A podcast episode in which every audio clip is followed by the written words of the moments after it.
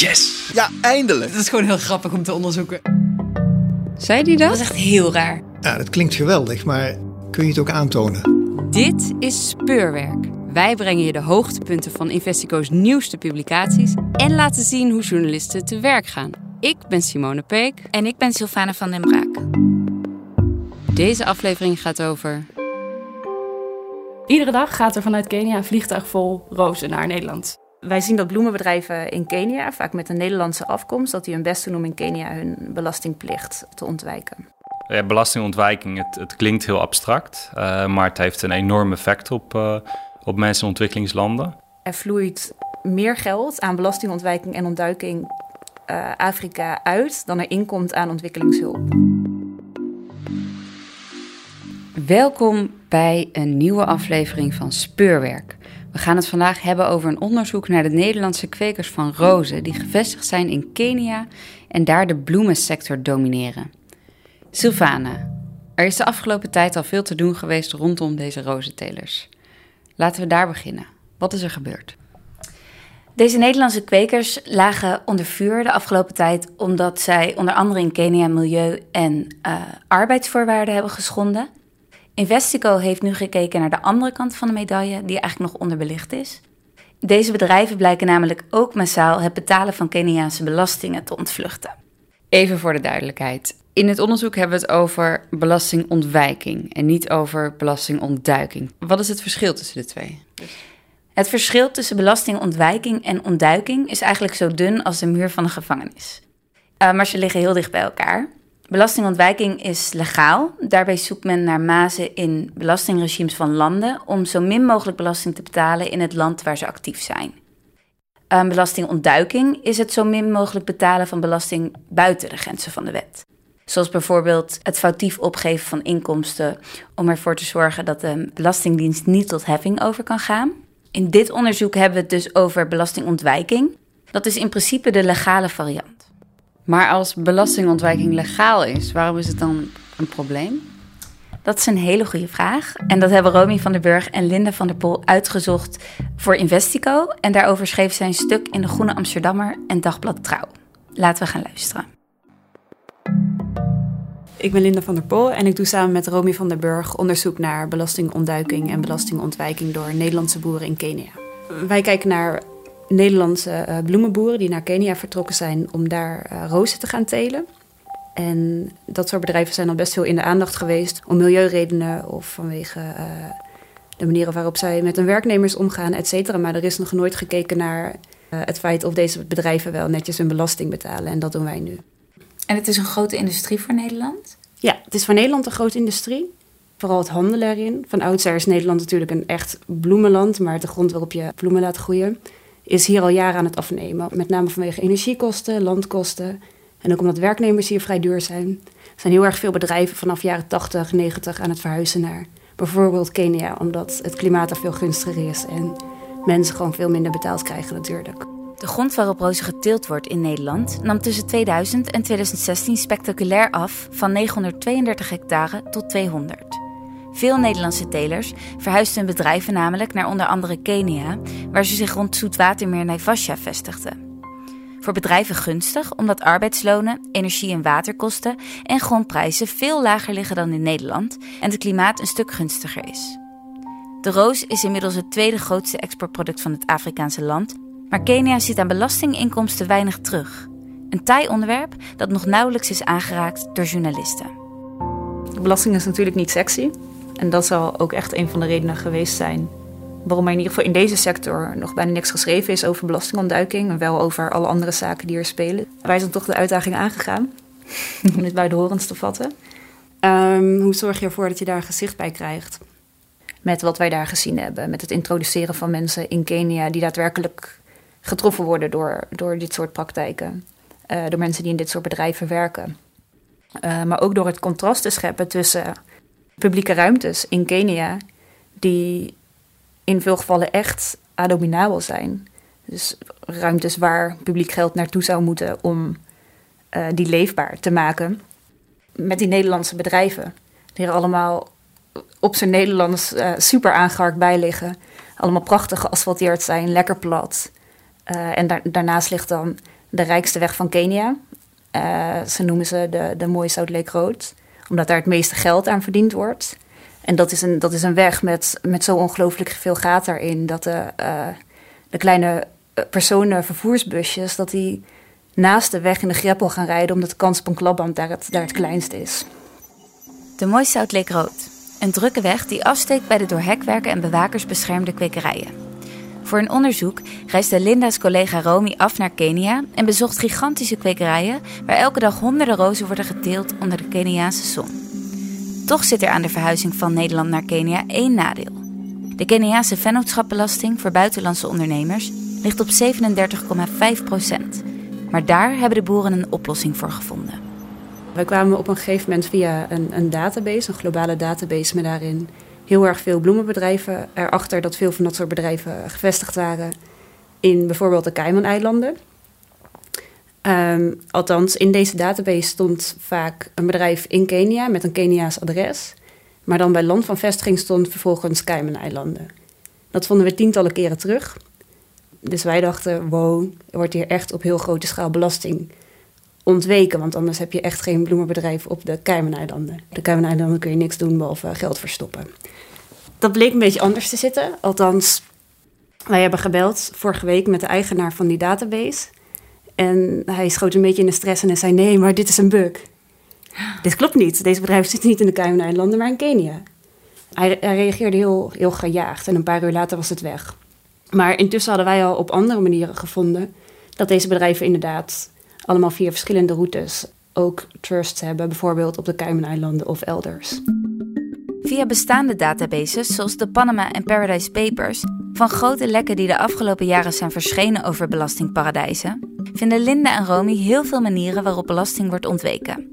Bijvoorbeeld via het vestigen van bedrijven en brievenbusbedrijven in landen waar gunstige belastingtarieven gelden, of door de winst van het bedrijf te laten vallen bij een moederbedrijf in Nederland, waardoor er in Kenia verlies wordt gedraaid en er geen inkomsten zijn waar belasting over betaald moet worden. Romy vertelt hoe dat proces van uitzoeken eruit zag. Sommige bedrijven hebben echt hun best gedaan op, om op verschillende manieren alle plekjes te vinden op de wereld waar je geen belasting hoeft betalen. En dan met allemaal tussenbedrijfjes maken we gigantische spinnen om te zien waar dat dan heen gaat. En dan het, lastige van ons verhaal is dat um, in Kenia heel veel jaarverslagen niet openbaar zijn. Dus de daadwerkelijke data is moeilijk te verkrijgen. Dus dan moeten we bijvoorbeeld met de Nederlandse Kamer aan de slag om te kijken hoeveel die bedrijven, hoeveel winst die maken en waar dat dan vandaan komt. En daar kunnen we natuurlijk wel een enorme boom maken aan. Je hebt het bedrijf in Kenia, die heeft een bedrijf in Nederland. Dat bedrijf in Nederland is weer onderdeel van een trust in Liechtenstein. Die trust in Liechtenstein zit weer dezelfde eigenaar op de Maagdeilanden. En die heeft weer een investeringsbedrijf in Florida. En dan kan je natuurlijk wel met al die dingen, die hele kaart, kan je natuurlijk wel zeggen: ja, dit is heel raar. Maar je kan nooit exact zeggen van hier is waar het geld zit, hier wordt het gemaakt, hier gaat het heen. Dat is gewoon de moeilijkste stap om te maken. Omdat bijvoorbeeld in Liechtenstein of in de Maagdeilanden kan je nooit een verslag inkijken, want dat is niet openbaar. Jaarverslagen en cijfers zijn dus moeilijk te bemachtigen. Ook in Kenia was dat een hobbel in het onderzoek, omdat veel bedrijven zich omdopen tot een privébedrijf, waardoor ze geen inzicht hoeven te geven in hun financiën. Tijdens Romy's bezoek aan Kenia ontmoet ze een student die haar wil helpen informatie over Osirian, een van de grootste kwekerijen, boven tafel te krijgen. In Kenia is het allemaal heel intransparant um, wat betreft papieren opvragen. Als je een privébedrijf hebt, zoals bijvoorbeeld de allergrootste die wij onderzocht hebben, uh, Osirian Flowers. Die zeggen, ja, we zijn een private company. Uh, wij hoeven helemaal geen uh, jaarverslagen aan jullie openbaar te maken. Dus jullie kunnen onze financiën niet inzien. In Nederland kan je dat gewoon opvragen bij de Kamer van Koophandel. Um, zou daar ook moeten kunnen. Um, maar toen ik dat probeerde op te vragen, kreeg ik het niet. Um, als Keniaanse inzittende mag dat, moet je dat kunnen opvragen. Nou, toen hebben wij een... Uh, ik had een student fiscaal recht ontmoet op de uh, 100 jaar viering van inkomstenbelasting. Het was een grote viering, was in Nairobi en georganiseerd door de universiteit. En een van die studenten had ik gesproken en we hadden even nummers uitgewisseld omdat hij heel geïnteresseerd was in het onderzoek. En toen had ik hem gevraagd van... zou jij voor mij naar de Kamer van Koophandel willen gaan in Kenia... en dat jij het opvraagt. Bij hem ging dat ook niet vanzelf. Uh, was, uh, hij moest het via internet doorgeven. Hij, um, Hij kreeg een keer een lege map in zijn handen. En toen, uh, bij de derde keer, had hij het eigenlijk al zelf een beetje opgegeven. En ik had hem aan de telefoon en hij, had hij zei: Ik heb in ieder geval wel een hele dikke stapel gekregen. Nou, na de eerste tien pagina's was hij aan het voorlezen. En een beetje schreeuwend door de telefoon. En ik, en ik van, hé, wat zeg je nou? Weet je wel, wat staat er nou precies? En dan moest hij toen zeggen, nee, de linkerkolom en de rechterkolom. En, en hij zei altijd, nee, er zit helemaal niks bij. Sorry, Ram, er zit echt niks bij. Ik kan er niks aan doen. Uh, maar nee, weer niks. Ja, aandeelhouders hebben we al gezien. Dat weten we allemaal al. En op een gegeven moment zei hij zo, hoorde ik hem zo uh, even stil. En zei ik zo, ben je er nog? Toen zei hij, uh, toen zei hij yes, figures. Nou, toen bleek dat, in, dat het bedrijf Ozeri een aantal jaar een openbaar bedrijf is geweest. En um, dat houdt in dat ze toen wel jaarverslagen hebben opgegeven bij de Keniaanse Kamer van Koophandel. En dat was eigenlijk de allereerste keer dat we daadwerkelijk in konden zien dat zij bepaalde omzet maken per jaar voor een gigantisch miljoenenbedrijf. Die uitkwam op onder de streep 3000 euro voor belasting, 1000 euro na belasting. Nou ja, dat is natuurlijk helemaal niks als je kijkt dat bijvoorbeeld een Nederlandse bedrijf, wat we hier hebben op kunnen vragen, wat gekoppeld is aan Ozerian, die wel allemaal andere bedrijven eronder heeft zitten, maar een omzet heeft van 47 miljoen. Omdat niet alle informatie beschikbaar is en de puzzel van constructies niet volledig afgemaakt kan worden, besluiten Romy en Linda de constructies van bedrijven die wel veroordeeld zijn wegens belastingontwijking of ontduiking als een soort template over de niet-transparante bedrijven te leggen. Dit doen ze ook bij Ozerian, het bedrijf waarvan ze een aantal winstbedragen via de verslagen hebben weten te verzamelen.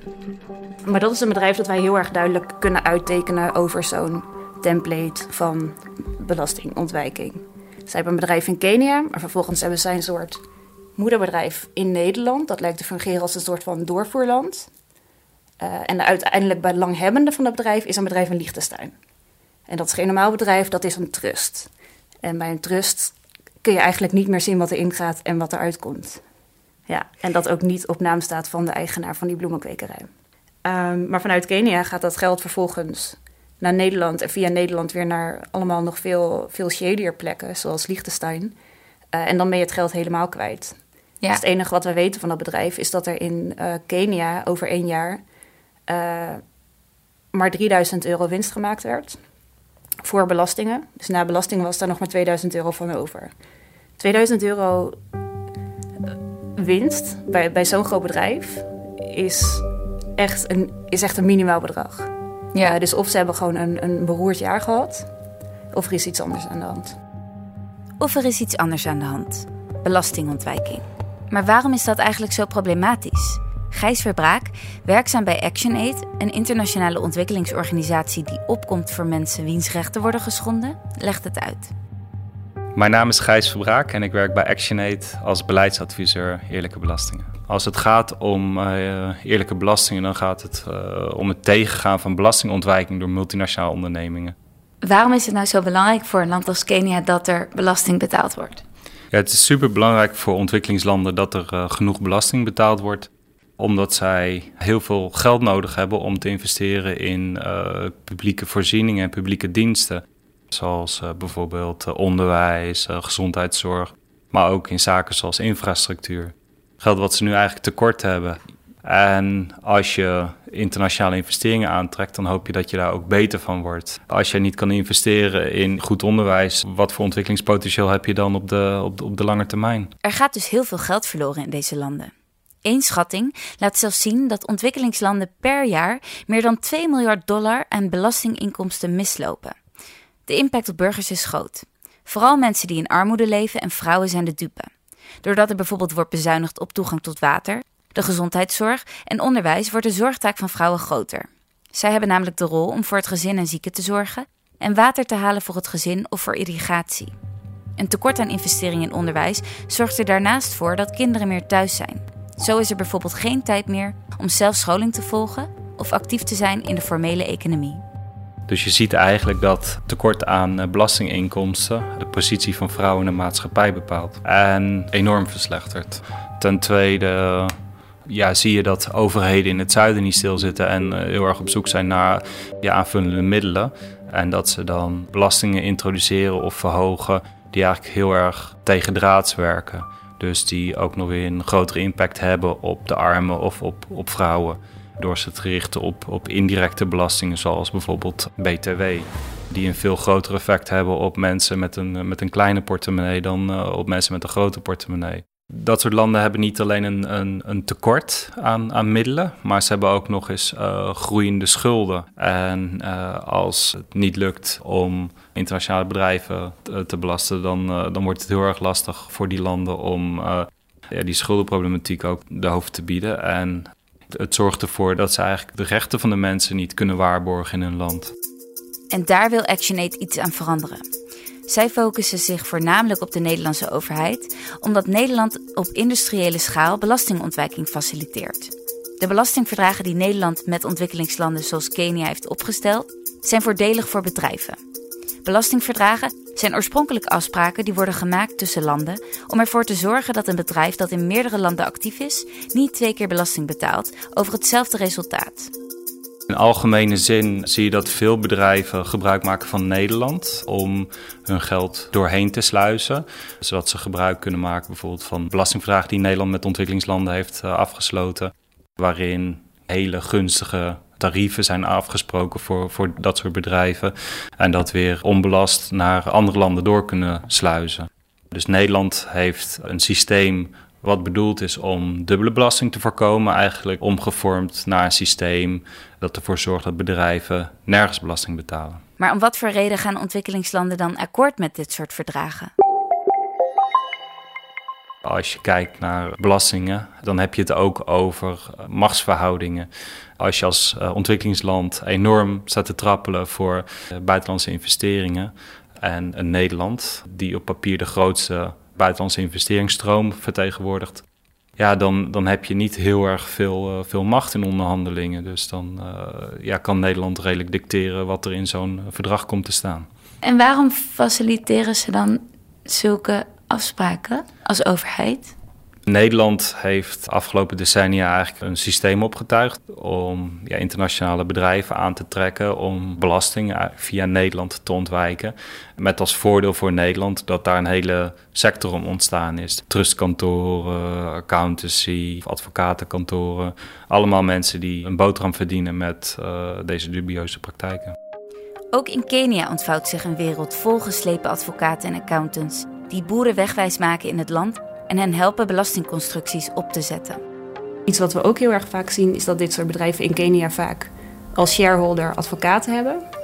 Um, en in sommige gevallen zijn dat hele shady personen. Personen die, die echt in, in absurd grote uh, corruptieschandalen uh, terechtgestaan hebben en dergelijke. Ja, echt hele, hele geschimmige personen. En het is best wel gek om, om in hele kleine Nederlandse familiebedrijfjes feitelijk... dit zijn vaak niet heel, heel grote kwekerijen om daar dan zo iemand die binnen Kenia zelf zo infaam is, op de aandeelhouderslijst te zien staan. Linda heeft het nu specifiek over advocaat Guy Spencer Elms, ook wel de Dean of Corruption en Cartella Lawyer genoemd. Hij werkt voor een advocatenkantoor die bedrijven met taxplanning helpen, wat niet per se een slechte zaak is, zeggen zij. Maar Guy Spencer Elms is onder andere de advocaat van het bloemenbedrijf Prima Rosa, dat werd veroordeeld voor het ontwijken van miljoenen aan belasting. En deze advocaat komt met veel meer schandalen in aanraking. Hij is bijvoorbeeld betrokken geweest bij een uh, leasing scandal... waarbij miljoenen aan ontwikkelingshulp vanuit Kenia naar Groot-Brittannië werden uh, uh, getransporteerd. Verdwenen zijn eigenlijk. Dat heeft hij gedaan. En verder is hij betrokken geweest bij een aantal landschandalen, eigendomsrechten. Um, er is gezegd dat hij mensen heeft laten vermoorden de, de lijst rondom deze man houdt, houdt niet op. Nee. Hij staat vaak terecht, hij wordt elke keer weer vrijgesproken. Jeetje. Ja, ja, wat deze man ook nog op zijn kerfstok heeft, deze advocaat. Hij had vroeger zelf een bloemenbedrijf in Kenia. Maar dat gebruikte hij als dekmantel om ivoor en om bloedgeld te smokkelen. Schimmige praktijken hangen dus samen met belastingontwijking door rozentelers. Dat maakt het een gevaarlijk onderwerp om te onderzoeken. Al helemaal voor Keniaanse journalisten. Dat is een van de eerste dingen die Romy op het hart gedrukt kreeg toen zij in Kenia was voor het onderzoek. Dat het geen veilige plek is om onderzoek naar te doen, dat dat mij wel heel erg duidelijk werd gemaakt vanaf het moment dat ik iemand daar sprak. Van weet wel in welke sector je gaat werken, want het is, het is geen veilige omgeving. Dat vond, ja, dat vond ik wel iets, heel, iets wat ik pas echt besefte toen ik, toen ik daar was en mensen sprak. En voelde je dat dan daarna ook toen je hier verder in ging duiken? Ja, het is natuurlijk nog, er zit een heel ander verhaal aan dan alleen maar belastingontwijking het is ook een hele goede manier om criminele activiteiten heen en weer te laten gaan tussen verschillende continenten. En heeft dat ook effect op de manier waarop je dit onderzoek verder aanpakt? Mm, nee, ik denk het niet. Ik denk wel dat ik daardoor, toen ik daar eenmaal was, wel meer op mijn hoede was. Maar hier, nee, hier niet. En is dan ook een verschil qua gevoel als je er hier aan werkt? Of als je er daar aan werkt? Ja, absoluut, ja. Als ik daar mijn hotelkamer uh, aandeelhouderpapieren op vraag, dan zit ik toch een beetje omheen te kijken van... ja, word je toch wel sneller een beetje angstiger dan hier.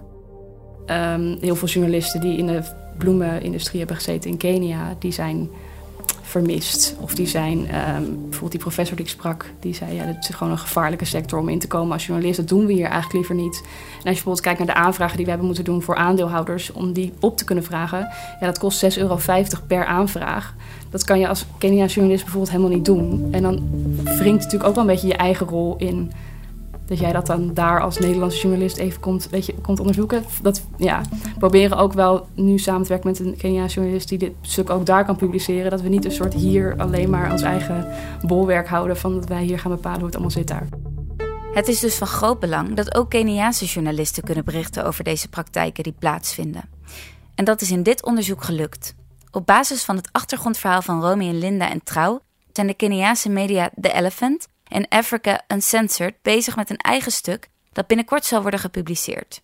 Juist doordat Romy in Kenia is geweest, ziet zij hoe belangrijk het is dat hierover wordt bericht en mogelijk verandering in komt. Er is zo'n gigantisch onderscheid tussen de, tussen de Nederlanders die zich daar hebben gevestigd en um, de werkers die ze daar hebben. Ja, en zeker als je experts in Kenia spreekt, of bijvoorbeeld fiscaal studenten in Kenia spreekt, die zijn zo activistisch, die zijn zo van belasting is wat ons zelfstandig maakt. En waardoor we niet iedere keer afhankelijk zijn van multinationals. Um, dat is, dan zie je wel echt het belang van dat een nieuwe generatie ook gewoon dit niet wil. Die, zien niet, die niet zoiets hebben van, oh, maar het is werk. Nee, het is gewoon iets wat, waardoor je structureel hele rijke uh, buitenlandse investeerders in het land hebt. En ja ja, daar niet heel veel verandering in komt. Maar waarom komt er dan zo weinig verandering in? Dat antwoord is simpeler dan de ingewikkelde constructies die bedrijven optuigen om belasting te ontwijken. Veel dingen die ik, die ik net besproken heb, uh, die wij onderzocht hebben, uh, zijn in feite niet illegaal. Dit, dit zijn echt, echt mazen in de wet. Als er één ding is waar experts het over eens zijn, dan is dat de internationale wetten voor belasting op dit moment gewoon niet kloppen. De afgelopen jaren is er zoveel meer internationale handel gaan plaatsvinden. Um, dat wetten daarop aangepast zouden moeten worden. Maar wetten zijn nog steeds heel erg uh, landelijk, heel erg nationaal bepaald. En dat is een groot probleem. Ook voor de Belastingdienst in Kenia is het een mission impossible om deze constructies naar boven te halen en daadwerkelijk belastingontwijking of ontduiking aan te tonen. Dit is een totaal ondoorzichtige wereld. En als jij in zo'n onderzoek stapt, zoals wij gedaan hebben, en er na twee maanden onderzoek achterkomt: oké, dit is het, ik kan hier structuren uittekenen, maar ik kan niet zien wat de geldstromen zijn tussen die, tussen die entiteiten, dan kun je ofwel de handdoek in de ring gooien en zeggen: ik, ik kom niet verder, heel vervelend, of je kunt het probleem, of je kunt deze structuren problematiseren. Dus je kunt zelfs een soort van templates gaan leggen op andere cases waarin wel aangetoond is dat er belasting ontweken is of iets dergelijks. Um, maar dat gaat natuurlijk niet voor officiële instanties. De Belastingdienst die kan niet zeggen: hm, ik zie hier iets shady's. Ik leg het bedrijf een boete op. Zij hebben uh, veel harder bewijs nodig. Zij moeten weten, precies weten hoeveel ergens uh, ontweken is qua belasting. Anders kunnen zij er niet tegen optreden. Een paar jaar geleden was er een, uh, een hoofd van een belastingdienst in Kenia die, die hier het probleem wel zag. die zei: Ik zie dat de bloemenbedrijven in Kenia verlies draaien of maar een heel klein beetje winst maken. Maar toch zijn er nog allerlei buitenlandse investeerders die in deze sector stappen. Dat is super gek. dus zo voelde hij aan dat dat geld ergens anders naartoe moest gaan. Uh, en de Belastingdienst heeft daar af en toe ook wel even onderzoek gedaan, maar dan liep het toch weer dood om allerlei verschillende redenen. En dan is er nog iets dat die zoektocht van de Belastingdienst of het optreden van de Belastingdienst heel erg moeilijk maakt. En dat is toch wel horen wij van experts met name dat het bedrijfsleven en de politiek heel erg met elkaar verweven zijn. Sally Koschij, de voormalige eh, minister van Agricultuur, die was zelf ook eigenaar van een bloemenbedrijf. En zij gebruikte dat bloemenbedrijf De winst vanuit het bloemenbedrijf verplaatsten zij naar Mauritius, naar een, naar een trust. En via dat bedrijf in Mauritius investeerden zij dat in vastgoed in Londen. Dat, dat is pure corruptie en dat is de, de kern van deze zaak. Maar dat is ook de reden waarom hier niet goed tegen opgetreden wordt. De politiek is er zelf niet bij gebaat. Inmiddels is er alweer een verschuiving van de bedrijven gaande van Kenia naar Ethiopië, waar zogenaamde tax holidays worden aangeboden, waardoor multinationals de komende 10 tot 15 jaar geen belasting hoeven te betalen. Dit was Speurwerk.